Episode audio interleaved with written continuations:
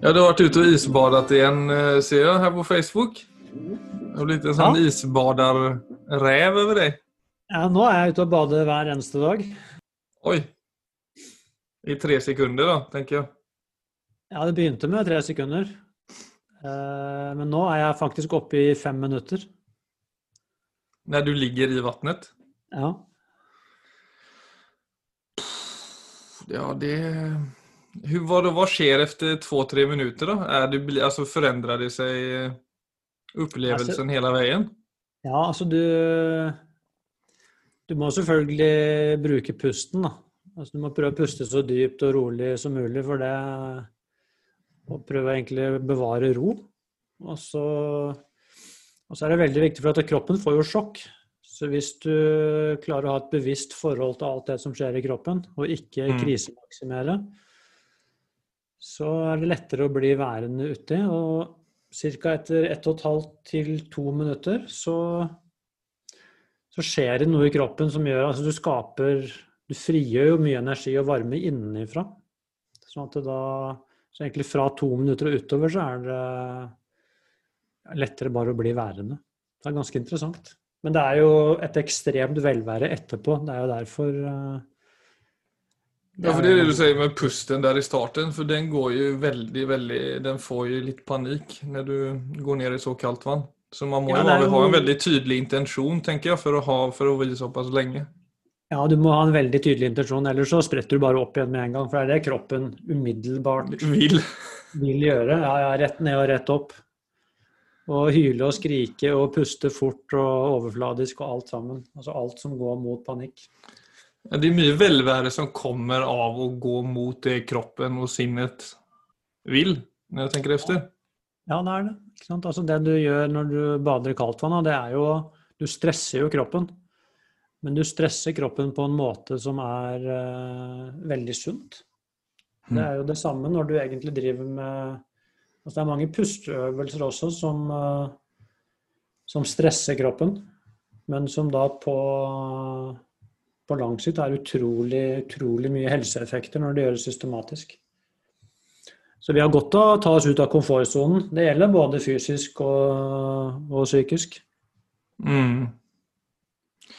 Jeg tenkte, vi har jo snakket om, eller vi skrev jo på Facebook om vi bad folk komme med litt eh, forslag på spørsmål og tematikker, om man hadde det.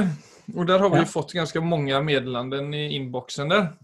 Ja. Så jeg tenkte at vi kunne dra i gang, eh, altså det skal jo bli et segment, har vi snakket om i podden. Absolutt.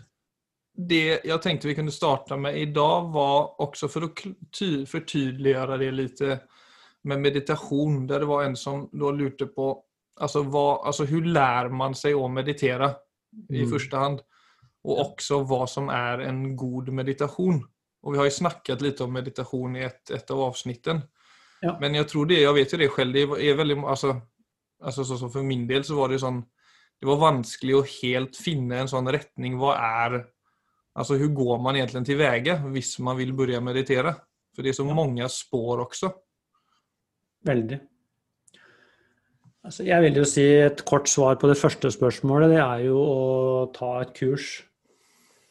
Altså lære det ordentlig av en person som, eh, som har lang erfaring. Det vil jeg si For at det er en eh, meditasjon er egentlig en kunstform.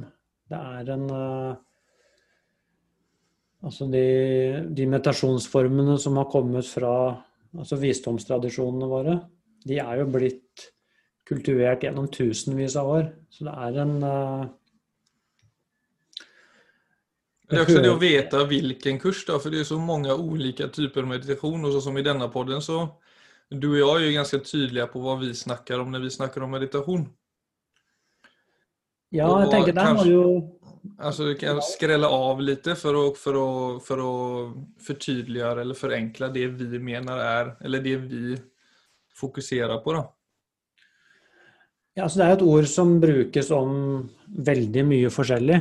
Så, så hvis du ser på det som en samlebetegnelse, så er jo det et ord som nesten ikke har mening. Men hvis du tar det inn i Altså Innenfor mindfulness, da, som jo egentlig blir innenfor buddhismen, så vil jo det ordet ha en mye mer presis betydning. Mm. Og, og, da er det jo en eh, altså Jeg må si en disiplin, eller en, du kan godt bruke en, en, treningsform som jo handler om å egentlig temme ditt eget sinn. Mm. Uh, og du temmer sinnet, men også for å egentlig komme forbi sinnet. Altså komme inn i inn i uh, kanskje si dybder av deg selv som du ikke har tilgang på fordi sinnet vårt er så utemmet. Altså oppmerksomheten For det første så er jo de fleste identifisert med alt det som skjer i sinnet. Alle tankene og følelsene som, uh, som hele tiden holder på. Det er stort sett der vi lever livene våre. Så er, de fleste mennesker vet jo ikke hvordan det oppleves når sinnet faktisk roer seg ned. Mm.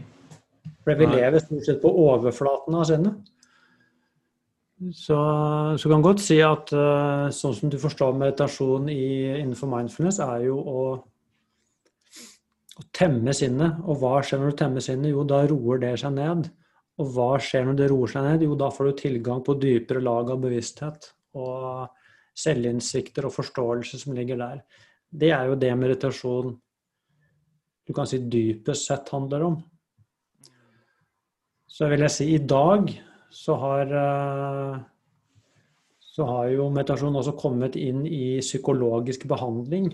Det var det. Opprinnelig så handler jo ikke dette om eh, om eh, Psykisk uhelse, liksom? Nei, om psykisk helse eller uhelse. Eller det var helse, ja et verktøy for fordypning.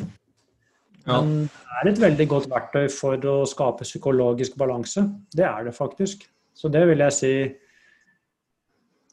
Det er egentlig noe som bare ligger inn Når du begynner å temme sinnet, så mm. får du automatisk mer innsikt i hvordan sinnet holder på, og da er psykologisk balanse vil da være innen rekkevidde bare underveis, egentlig.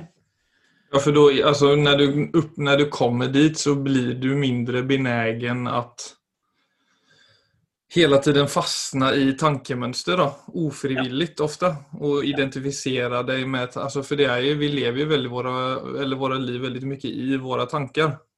Det, det är akkurat det. Och det är ju, alltså jag kan ju, faktiskt häromdagen så hade jag en, en väldigt et ett, ett tydligt exempel på det för jag cyklade förbi en eh, bekant av meg, og så så jeg altså Hennes ansikte var liksom uppfyllt av et stort smil. Og så begynte jeg bare direkte i hodet liksom, oj, der kommer hun med et smil, og hvorfor er hun så glad? Og ikke tenker hun på alle som har hatt en dårlig dag, i hvert fall. Ikke så ille, men altså, det var noe i stil med ja, så glad hun er, og undrer hva hun tenker på, eller hva hun opplever. Altså, jeg gikk veldig fort opp i en sånn indre dialog i hodet. Mm. Och eh, ja, Vad jag vill visa till är väl bara det att det, det ska liksom väldigt lite till för att hamna där istället för att möta den situationen direkt. För alternativet är ju att jag, att jag hade klarat av att möta henne där på gatan eh, alltså med min tillstädevärelse eller att jag är på en måte på plats i stunden och att jag i bästa fall kanske också hade kunnat ta del av, av hennes glädje. Då. Ja, det vill ju Men Ja, men så møter, eller så møter jeg da den situasjonen mer analytisk i stedet for öppet. Ja. Og at det, det, er på en måte der problemet kommer, at våre tanker eh, får styre såpass mye at vi hele tiden havner i sånne moment der man da bør jämföra og undre og ser forskjeller. Og for det er på en måte så tankene hele tiden holder på. Ja. Og da er vi jo, Det er egentlig en god innledning til det andre spørsmålet, nemlig hva er en god meditasjon? Så kan du si at det, det første man egentlig utvikler når man starter en meditasjonspraksis, det er jo evnen til å observere eh, aktiviteten i kropp og sinn. Mm. Og det skaper en viss eh, Man får rett og slett en viss distanse til sitt eget sinn. Så det akkurat som blir et rom mellom tilstedeværelsen min og alt det som skjer i tanke- og følelseslivet hele tiden. Og det er det rommet. Det rommet er et mulighetsrom.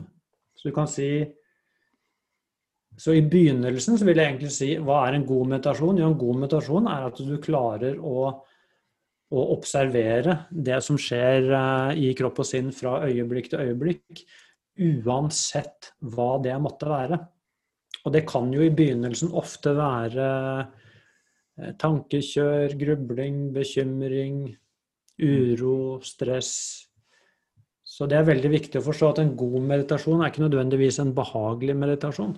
Det er det å klare å la ting være som de er, men uten at jeg trenger å identifisere, identifisere, meg med det. Og det er en veldig stor oppdagelse. At det godt kan være La oss si jeg kan sitte med ja, bekymringstanker eller selvkritiske tanker og masse uro i kroppen. Men hvis mm. jeg klarer å observere det, så oppdager jeg plutselig at just det er jo ikke så farlig. Dette er jo bare tanker og følelser som utfolder seg fra øyeblikk til øyeblikk. Og dette er ikke meg. Og du ser også da det er ikke nødvendigvis sant, selv om jeg tenker eller føler det. Det kan bare få lov til å komme og gå av seg selv. Og det gir en form for frihet. Så det går an å, så det kan være ganske ubehagelig, men samtidig så er det en form for mestring forbundet med det. Da begynner vi å snakke om det jeg vil si, de begynnende fasene vil være en god meditasjon.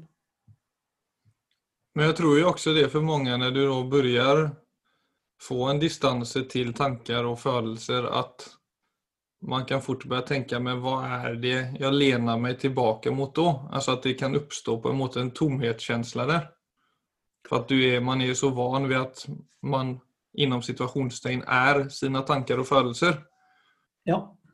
Det er derfor det er fint å dra på et kurs, så man kan få For du snakker om at det må være Det er noe som våkner i deg av at du begynner å operere på denne måten, men som man kanskje ikke helt kjenner så godt til da, hvis man ikke har et For nå snakker vi jo litt som altså det der med å trene sinnet, og at vi faktisk eller mange av oss i dag egentlig lever med et utrent sinn, så vi vet ikke dybden av vårt sinn. da.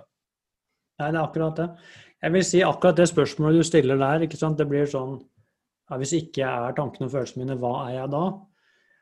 Det er egentlig kun et problem altså når man tenker på det, eller hvis du analyserer det. Men når du erfarer det, så mm. vil det aldri bli problematisk.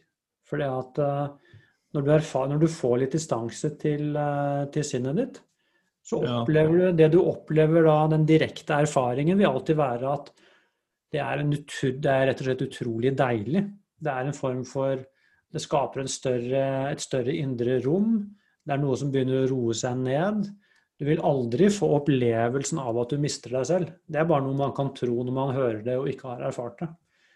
Så det er derfor dette er en erfaringsreise. Mm. Det er derfor de så, så, Det er derfor også det er så mye uforstand med folk som skriver om mindfulness i avisene, som ikke praktiserer det. For at du, da kommer den type ting inn. De tror du blir selvopptatt, du tror du bare skal se innover. At du blir mindre opptatt av det som skjer utenfor.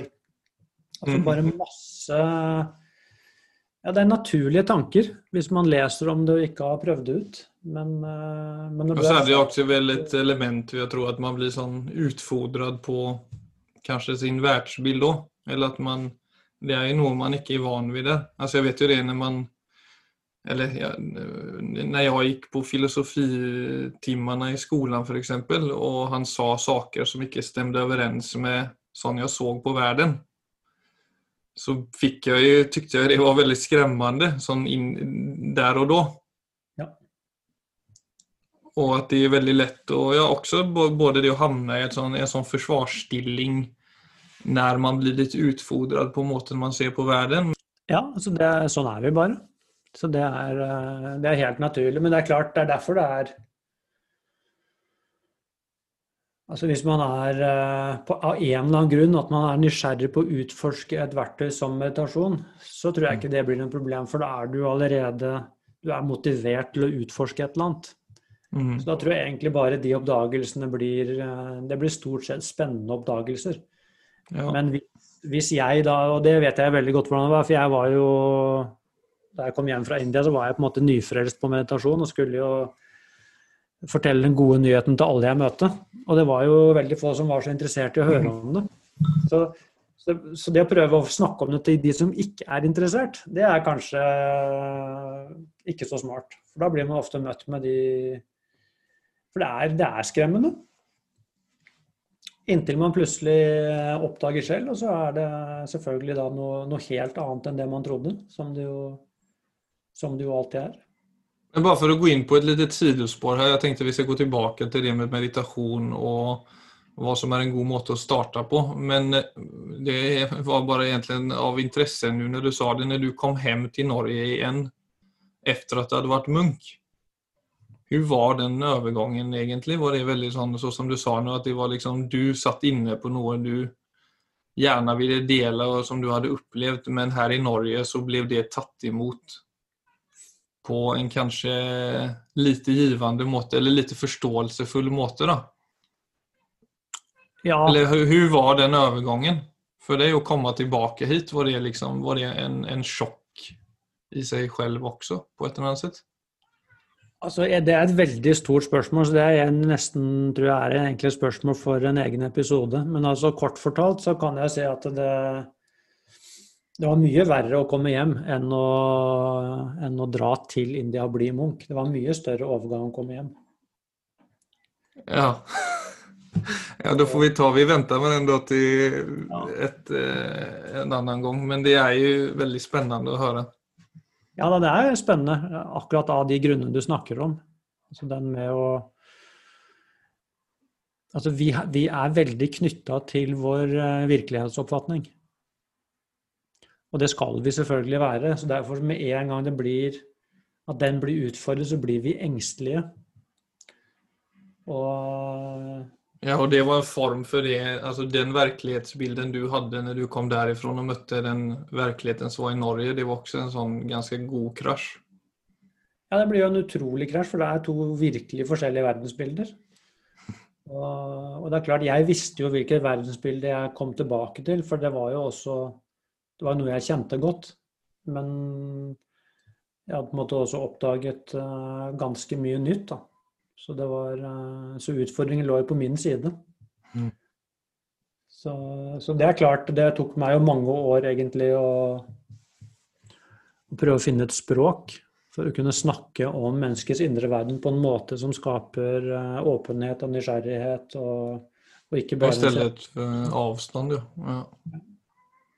Ja, men låt oss komme tilbake til det. Då. Men bare for å gå inn litt, for nå gikk vi litt videre bort fra selve metoden meditasjon. Men mm.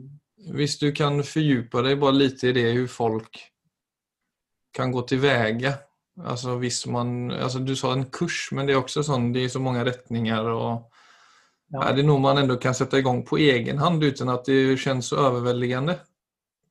Altså man kan jo alltids eksperimentere med Men da ville jeg gått på altså Det er jo apper, altså f.eks. Uh, eh, Headspace, eller en app som heter Calm. Det er så vidt jeg vet eh, to gode apper hvor man kan komme i gang på egen hånd. Hvor det i hvert fall er gode, er gode instruksjoner. Og det er en form for progresjon som er innebygd i selve appen. Så det er jo alltid mulig. Altså, det, er ikke, det er ikke noe vanskelig Altså meditasjonsteknikk i seg selv er ikke vanskelig. Men, eh, men grunnen til at jeg anbefaler kurs, er bare for å få en grunnforståelse både av hva det er, og hva hensikten er, og hva Også litt av konteksten. Altså sånn inn i en, For du trenger egentlig en litt dypere forståelse av menneskesinnet for å begripe potensialet i meditasjon. Og for at det kanskje skal bli virkelig interessant. Enn det rådende menneskesynet som, uh, altså som er i den vestlige verden i dag. Så det er uh, Ja, og da er det jo veldig relevant å begynne å observere og forholde seg til tanker og følelser. Ja. Litt så som vi har snakket om gjennom episoden. At man ja. eh, eh, Hva det går i, da. Og, og hva som er hva oppi denne knotten. Ja. Det For det er også mange som tenker at man skal slutte tenke når man mediterer. Og det er jo også et ganske bergsikkert kort for å begynne tykke ille om meditasjon. For det er jo varken enkelt eller hensikten. At, det skal bli, at du skal liksom tvinge tankene til å holde kjeft. Nei, det er jo egentlig det motsatte du gjør. Altså, du, slipper, du slipper både kroppen og sinnet helt fritt. Og det mm. du vil oppdage da, det er at det er konstant aktivitet i alle disse systemene våre. Du ser på kroppen og følelseslivet og tankelivet som systemer. Så vil du se at det er systemer hvor det er alltid aktivitet. Og så er det da å begynne å ta skritt tilbake og begynne å observere den aktiviteten. Eh, og samtidig, og for å få til det, så har man jo ofte et meditasjonsobjekt. Og det er jo, mm. kan jo enten I Mindfulness bruker man ofte pusten. Som også da handler om å utvikle evnen din til, til eh, konsentrasjon. Eller et vedvarende fokus. Så der begynner jo, altså der, er det, si, der er det knallhard trening. Det er at du, du trener deg opp til å holde deg på et sted, og samtidig legge merke til alt det som skjer i kropp og sinn. Så det er egentlig akkurat som det er to mentale muskler som du trener i samtidighet. Det ene er evnen til konsentrasjon, og det andre er evnen til tilstedeværelse. Eller da til instro, introspeksjon, kan du godt si. Og der begynner du å utvikle denne mentale muskulaturen som uh, som kultiverer sinnet. Så når man snakker om en god meditasjon, så er det ofte, ofte så er det for at når, når, disse musklene begynner å bli litt trent, så vil jeg si at det er konsentrasjonsferdighetene dine. Det skaper etter hvert en dyp ro i kroppen. Og det du oppdager da, det er at det er et urolig sinn, eller et fragmentert sinn, som hopper fra det ene til det andre hele tiden det skaper veldig mye kaos i følelseslivet vårt. Det skaper, Så et fragmentert sinn er et urolig sinn. Mens et konsentrert sinn, det er et rolig sinn. Og når sinnet roer seg, så kommer også denne dype følelsen av ro og velvære i kroppen. Og det er det man ofte kaller en god meditasjon, men det er bare fordi det kjennes så, kjennes så behagelig ut. Mm. Så, så, det er med hvordan vi mennesker vanligvis sorterer erfaringer. Hvis det er behagelig, så syns vi det er godt, og hvis det er ubehagelig, syns vi det er dårlig.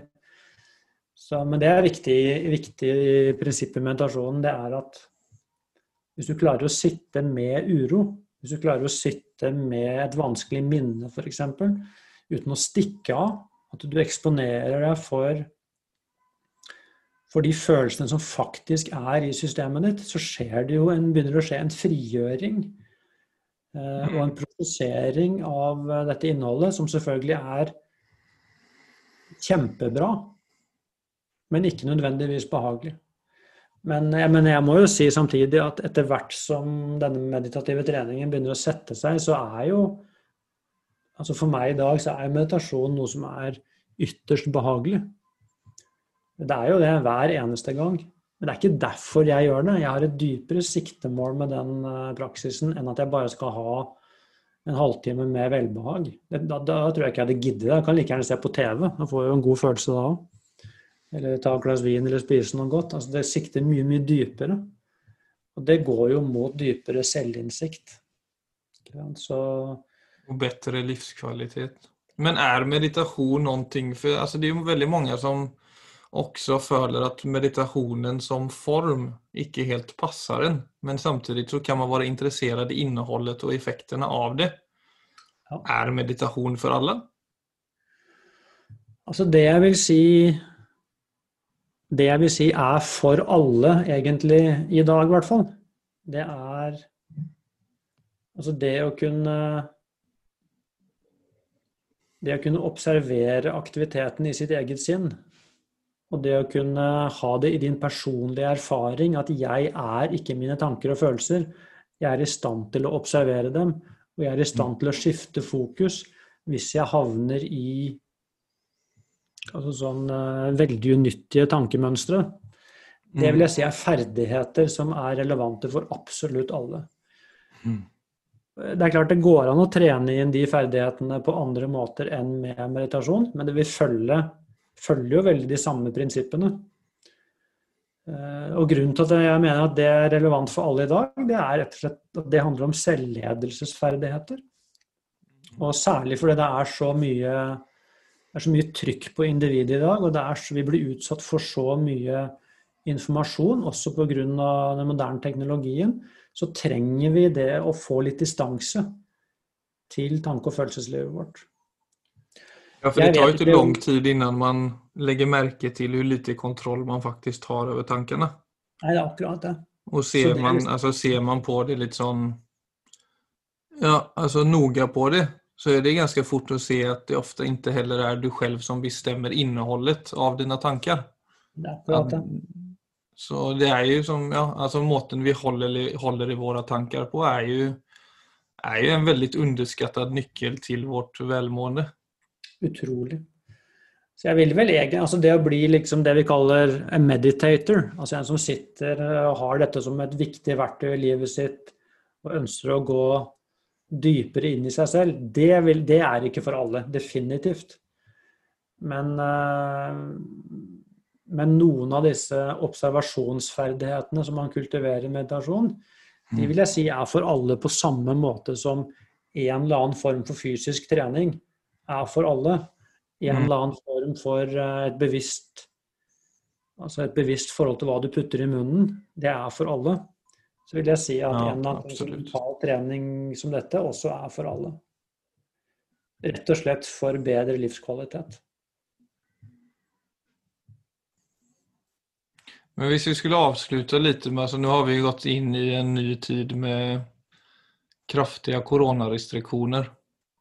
Mm. Altså permitteringer og begrenset sosial aktivitet. og Sist når korona sto på som verst, så var det jo veldig mange par som bråkade mer enn vanlig. Og flere relasjoner gikk jo dessverre også i oppløsning. Kanskje, flere, kanskje, kanskje det hadde skjedd uansett med en del, men eh, også folk som lever ensomme og har vært permittert, har jo kjent på en større følelse av ensomhet, eller kjente på det under de periodene.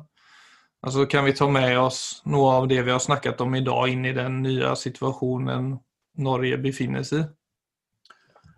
Ja, i høyeste grad. Altså, det er, uh, men det er klart, altså, eh, vi skal snakke om meditasjon, så er det jo så er jo det en disiplin som, uh, som har dype virkninger Altså på hvordan man har det med seg selv, og hvordan man har det generelt.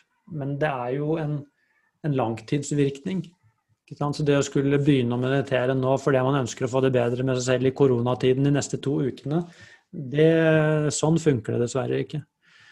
Men de prinsippene vi har snakket om, altså det å kunne møte vanskelige situasjoner og utfordringer med altså et rolig sinn og gode holdninger, altså sånn som aksept, vennlighet, varme, tålmodighet. Det å ikke dømme. Det er klart det er en utrolig god hjelp når først vanskelige situasjoner oppstår. Det er klart, eh, Jeg tror det er veldig mange når denne andre bølgen nå kommer, og så stenges alt ned igjen. Og, og det er klart det er veldig mange som det får store konsekvenser for i forhold til uh, kanskje konkurser og, og, den type ting. Det er generell stor usikkerhet som på en måte hviler over landet. Ja, og ensomhet selvfølgelig, og, og, sikkert også mye frykt rundt alt dette med sykdom og smitte og sånne ting.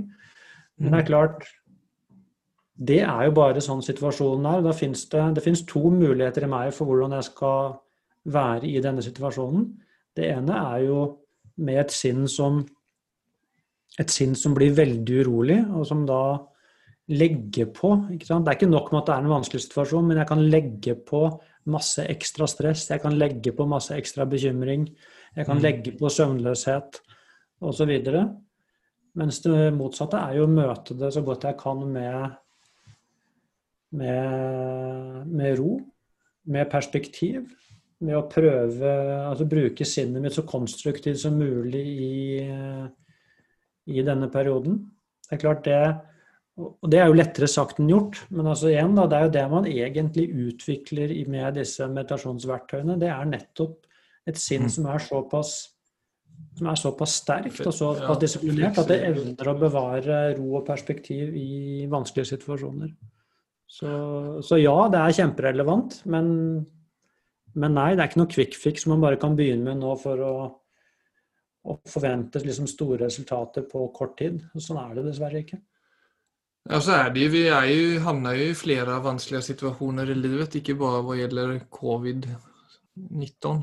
Så det er jo noe med å forberede seg. Eller livet er jo Det er jo godt å være forberedt og ha visse mentale og, Eller har visse mentale muskler når ting skjer. Og ja, jeg syns jo det er en veldig sånn jeg tror det er en sånn viktig innsikt å se det at vi mennesker går rundt og har faktisk, som vi var inne på tidligere, et ganske utrenet sinn. Og at det, er en, det er en virkelighet. Men det fins masse potensial for å, få et trene, for å trene sinnet. Som gjør at vi både står bedre i oss selv og i ytre situasjoner. Ja. Ja uten tvil, Philip. Altså, jeg tror noe av, eh, og Det er derfor det er fint egentlig at vi snakker om de tingene vi gjør i dag. For jeg tror noe av problemet rundt dette med meditasjon er all uvitenheten rundt det. Altså hvis, hvis det hadde vært uh, common knowledge at det å meditere faktisk var å kultivere en mental kjernemuskulatur mm. som vi faktisk bruker hele tida, så tror jeg veien til å, til å begynne med en meditasjonspraksis ville vært veldig, veldig kort hos, uh, hos veldig mange mennesker. Det er fordi vi tror det er noen sånn airy-fairy greier som uh, ja, man skal liksom opp og hilse på stjernene. Og, og at det er veldig mye utvendigheter og, og, egentlig fenomener rundt dette som ikke er relevant for så mange. Mm. Mens Og det er ikke relevant for meg heller. For meg så er dette et utrolig praktisk verktøy som går rett inn i livskvaliteten fra dag til dag. Så, så, vi trenger egentlig folkeopplysning på å ta dette helt ned på jorda. Og inn i det helt praktiske.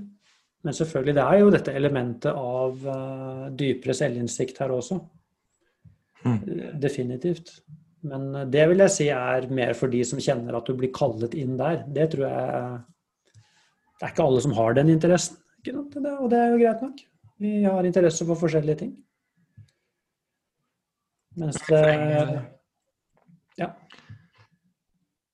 Jeg lurte på om det, altså det du sier med den innsikten, den er jo også relevant i de politiske og ustabile tidene vi lever i i verden, med klima og ja, altså, Du får det bedre med deg selv, ja, men det der med å få større innsikt Du, du kan liksom forstå eksistensen bedre, men det er også noe med at du faktisk bør bry deg mer genuint om det som er viktig i verden for å opprettholde livet i det store og hele. Absolutt. Altså, det er veldig relevant det du sier der, Philip. Og jeg tenker ideelt sett så ville jo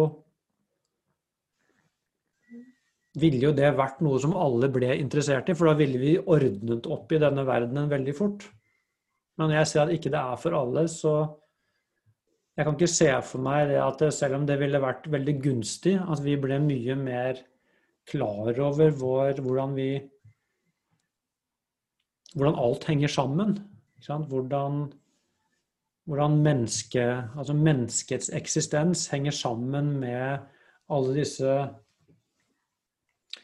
Den subtile balansen i hele naturen for øvrig. Vi vet det på en måte, altså en del, vi har kunnskapen, men vi lever ikke, vi lever ikke sånn. At Vi kan egentlig ikke vente med å komme komme i gang med liksom, å få skrudd opp eh, produksjonen igjen og få i gang økonomien, selv om vi vet det at, at det er ikke bærekraftig sånn som vi holder på. Så det er klart den Det er stor forskjell å vite noe og leve ute. Det... Ja, det er akkurat det. For det det som kommer i veien hele tiden. Og det kan du jo bare Det observerer jo jeg også i meg selv hele tida. Det er jo alle disse følelsene.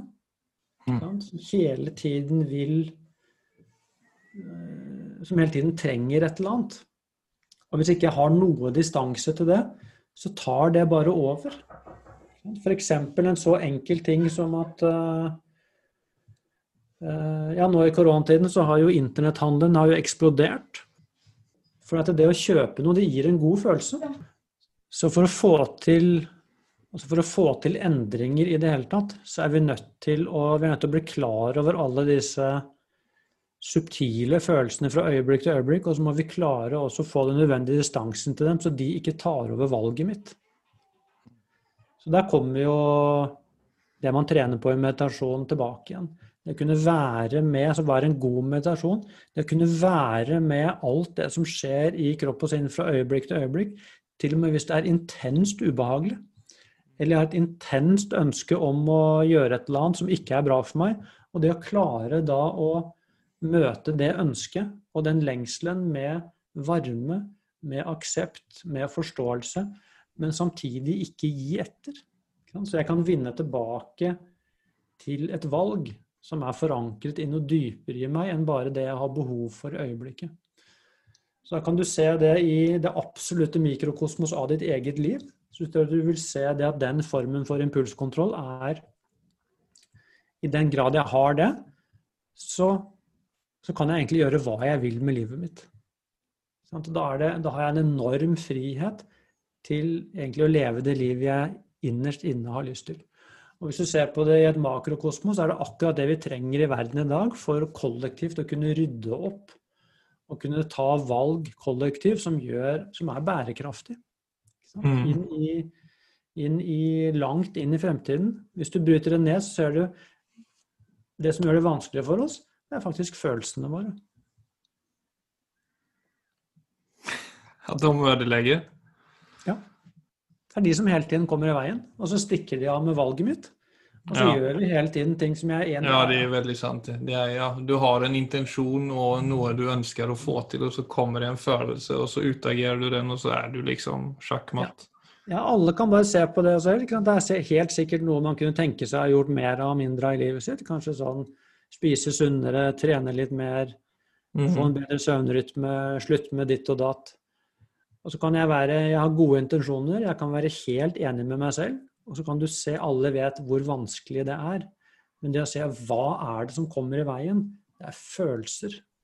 Hvordan håndterer jeg de følelsene? Det vet de fleste. De fleste har ikke den eh, ferdigheten. Det er ferdigheter. Og det er trenbare ferdigheter.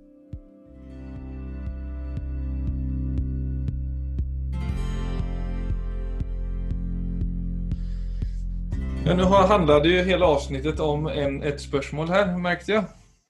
Och det er jo supergøy og vi har jo fått ganske mange flere som vi skal gå gjennom og snakke om. Men jeg vil gjerne oppfordre folk til å fortsette å sende inn spørsmål og tematikker man ønsker å høre på. For det er jo veldig gøy og motiverende å ha en sånn interaktivitet. Ja, og vi skal uh, love altså alle spørsmål som kommer, de skal få et svar. Det er ikke alle som kommer til å få en hel episode, men vi skal svare på alle spørsmålene. Ja. Så på Facebook, på innboksen eller viggo Så høres vi om en uke.